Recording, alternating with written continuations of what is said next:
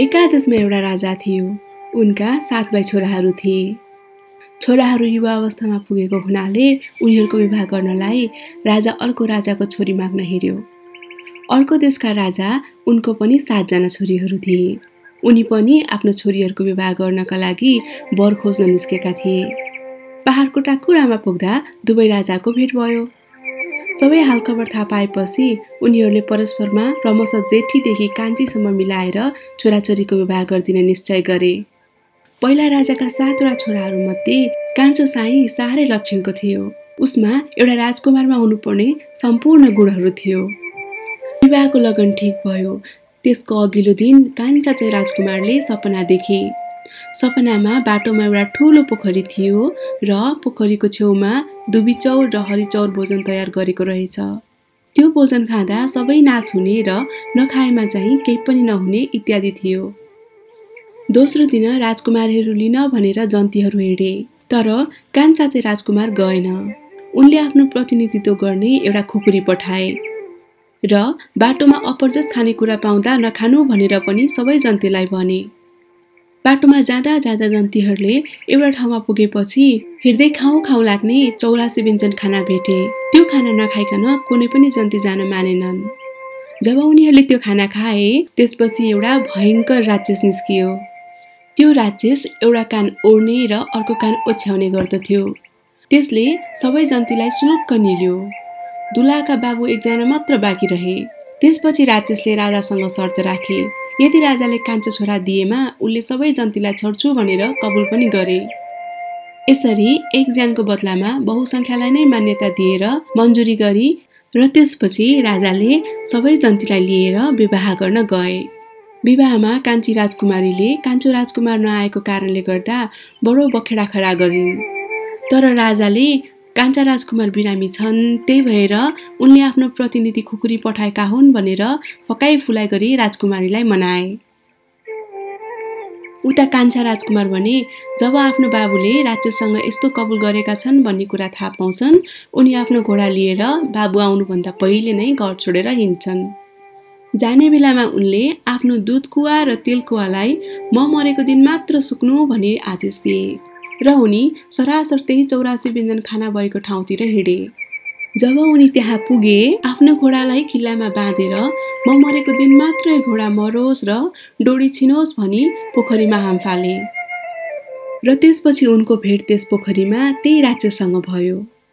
त्यस राक्षसले राजकुमारलाई बरु आदर गरे। त्यसपछि राजकुमार र त्यो राक्षस त्यहाँबाट हिँड्यो। उनीहरू बाटोमा जाँदा जाँदा बाटोमा एउटा ठुलो पहाड भेट्यो। राक्षसले राजकुमारलाई त्यो पहाड फुटाउन आग्रह गर्यो र राजकुमारले पनि मुक्कै मुक्का हानेर त्यो पहाड फुटाइदियो। राक्षस पनि खुसी भयो। त्यसपछि पनि त्यो राक्षसले राजकुमारको पिछा भने छोडेन। त्यो राक्षस महारोगी थियो। उनले राजकुमारलाई भन्यो सात समुद्रको बीचमा चम्पावती नाम गरेको बत्तीस लक्षणले युक्त भएकी राजकुमारी छिन्। उनी हाँस्दा पम्पा र रुँदा चम्पा फुल बर्सिन्थ्यो। ती फुलहरू दल्नाले राक्षसको महारोग नाश हुन्थ्यो। त्यसैले राक्षसले राजकुमारलाई त्यो फुल ल्याउन आग्रह गर्यो। त्यसपछि राजकुमार त्यहाँबाट हिँड्यो। उनी बाटोमा जाँदा जाँदा एउटा ठुलो बदेललाई सिकारीले लखेटिरहेको भेट्यो। राजकुमार साह्रै दयालु थिए।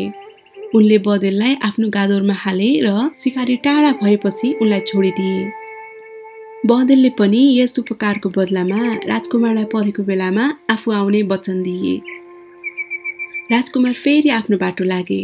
यसै क्रममा उनले कमिलाहरूलाई पानीमा उत्रेको देखेर सबैलाई उठाएर पाखामा उतारिदिए। कमिलाले पनि चाहिएको समयमा हामी आउँछौँ भनेर राजकुमारलाई भने। त्यस्तै राजकुमारले परेवा र मुसालाई पनि सर्पबाट बचाए। उनीहरूले पनि परेको बेलामा आफू आउने वचन दिए। यसै क्रममा उनको भेट एउटा अति नै ठुलो राक्षससँग हुन्छ। जो नदीको पानी थुनेर माछा खाने गर्थ्यो। राजकुमारले उसको बलको तारिफ गर्यो। तर राक्षसले लामकाने र सापकानेको पहाड फुटाउने मान्छे ऊभन्दा बलियो छ भनेर भन्यो। अनि राजकुमारले त्यो पहाड फोड्ने मान्छे मै हुँ भनेर आफ्नो परिचय दियो। त्यसपछि त्यो राक्षस पनि आफ्नो नदी छोडेर राजकुमारको पछि लाग्यो। यसरी जाने क्रममा उनीहरूको भेट अर्को राज्यसँग भयो। त्यो राक्षस दुईवटा पहाड बिचमा ठोकेर बिचमा परेका जनावरहरूलाई खाने गर्दथे। त्यसपछि त्यो राक्षस पनि राजकुमारको पछि लाग्यो। जाँदा जाँदा उनीहरू सात समुद्रको बिचमा पुगे। त्यहाँ लाखौँ मान्छेहरूको बिचमा राजकुमारी पहरा दिइराखेकी थिइन्। उनको बङ्गला जमिनभित्र थियो। उनीसँग विवाह गर्न अनेकौँ शर्तहरू पुरा गर्नुपर्ने थियो। लाखौँ राजकुमारहरू उनको प्रेममा जिन्दगी बर्बाद गरेर झुपडी हालेर त्यहीँ बसेका थिए। कान्छा राजकुमार भने त्यो जमुनमुनि रहेको बङ्गलाभित्र कसरी जाने भन्ने कुरा सोचिरहेका थिए। केही उपाय नपाउँदा उनले आफ्नो बँदेल मुसा र कमिलालाई सम्झे। बँदेल आएर खन्न थाल्यो। मुसा र कमिलोले माटो फ्याँक्न लागे। यसरी सुरुङ राजकुमारीको महलसम्म पुग्यो। राति महलमा सुतिरहेको राजकुमारीलाई राजकुमारले सिन्दुरको टिका लगाइदिए। र जब राजकुमारी बिहान उठी उनी छक्क परिन्। तिनलाई राजकुमारसँग भेट्ने ठुलो इच्छा भयो। र राजकुमार पनि राजकुमारीले यस्तो इच्छा प्रकट गरेको देखेर राजकुमारीको अगाडि प्रस्तुत भए र दुवैजनाले विवाह गर्ने निश्चय गरे। तर त्यहाँ त्यस राजकुमारीसँग विवाह गर्नका लागि केही शर्तहरू पुरा गर्नुपर्ने थियो। जसमध्ये संसारको प्रत्येक अन्न जम्मा गरेर त्यसलाई एकै रातमा सबै अलग गर्नुपर्ने थियो र राजकुमारले आफ्नो परेवाहरूलाई सम्झे र त्यसपछि सबै परेवाहरू आएर राजकुमारलाई मद्दत गरे र अर्को सर्त थियो सय मुरी चामलको भात खानुपर्ने। त्यसमा पनि राक्षसहरूले सबै भात एकै गाँसमा खाइदिए। त्यसपछि राजकुमारलाई बाघको दुध लिन पठाइयो। बाघकी गोठाल्नी त्यस राजकुमारी चम्पावतीकी बहिनी थिइन्। राजकुमारीले राजकुमारलाई आफ्नो हिराको औँठी दिइ पठाइन्। राजकुमारले त्यो औँठी देखाउने बित्तिकै चम्पावतीकी बहिनीले दुध दिइन्। र राजकुमारीसँग विवाह गर्ने अन्तिम शर्त थियो एउटा ठुलो खम्बामा एउटा हातमा दुधको गिलास र अर्को हातमा पानीको ग्लास लिएर चढ्नु पर्ने थियो। त्यसमा पनि राक्षसहरू अदृश्य भएर राजकुमारलाई एकैचोटि टुप्पोमा पुर्याइदिए तर शर्त अनुसार एक थोपा पनि पानी र दुध पोखिनु हुँदैन थियो। जब राजकुमारले अग्लो खम्बाबाट आफ्नो देश देखे उनको आँखाबाट आँसुको धारा बग्न थाल्यो र तल बसेको मान्छेहरूले पानी पोखियो भन्न थाले। अनि राजकुमारले त्यो मेरो आँसु खसेको हो नपत्याए हेर आँसु भए नुनिलो होला भनेर भनिदिए। नभन्दै सो कुरा साँचो थियो।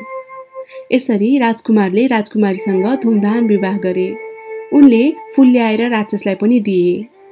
राक्षस खुसी भएर राजकुमारलाई प्रशस्त धन सम्पत्ति दिई घर पठाइदिए त्यस बेलासम्म उनको घोडा त्यहीँ थियो।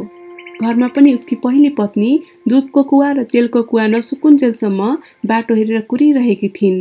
अनि राजकुमार दुवैजना राजकुमारीहरूसँग सुखसँग आफ्नो जीवन बिताउन थाले।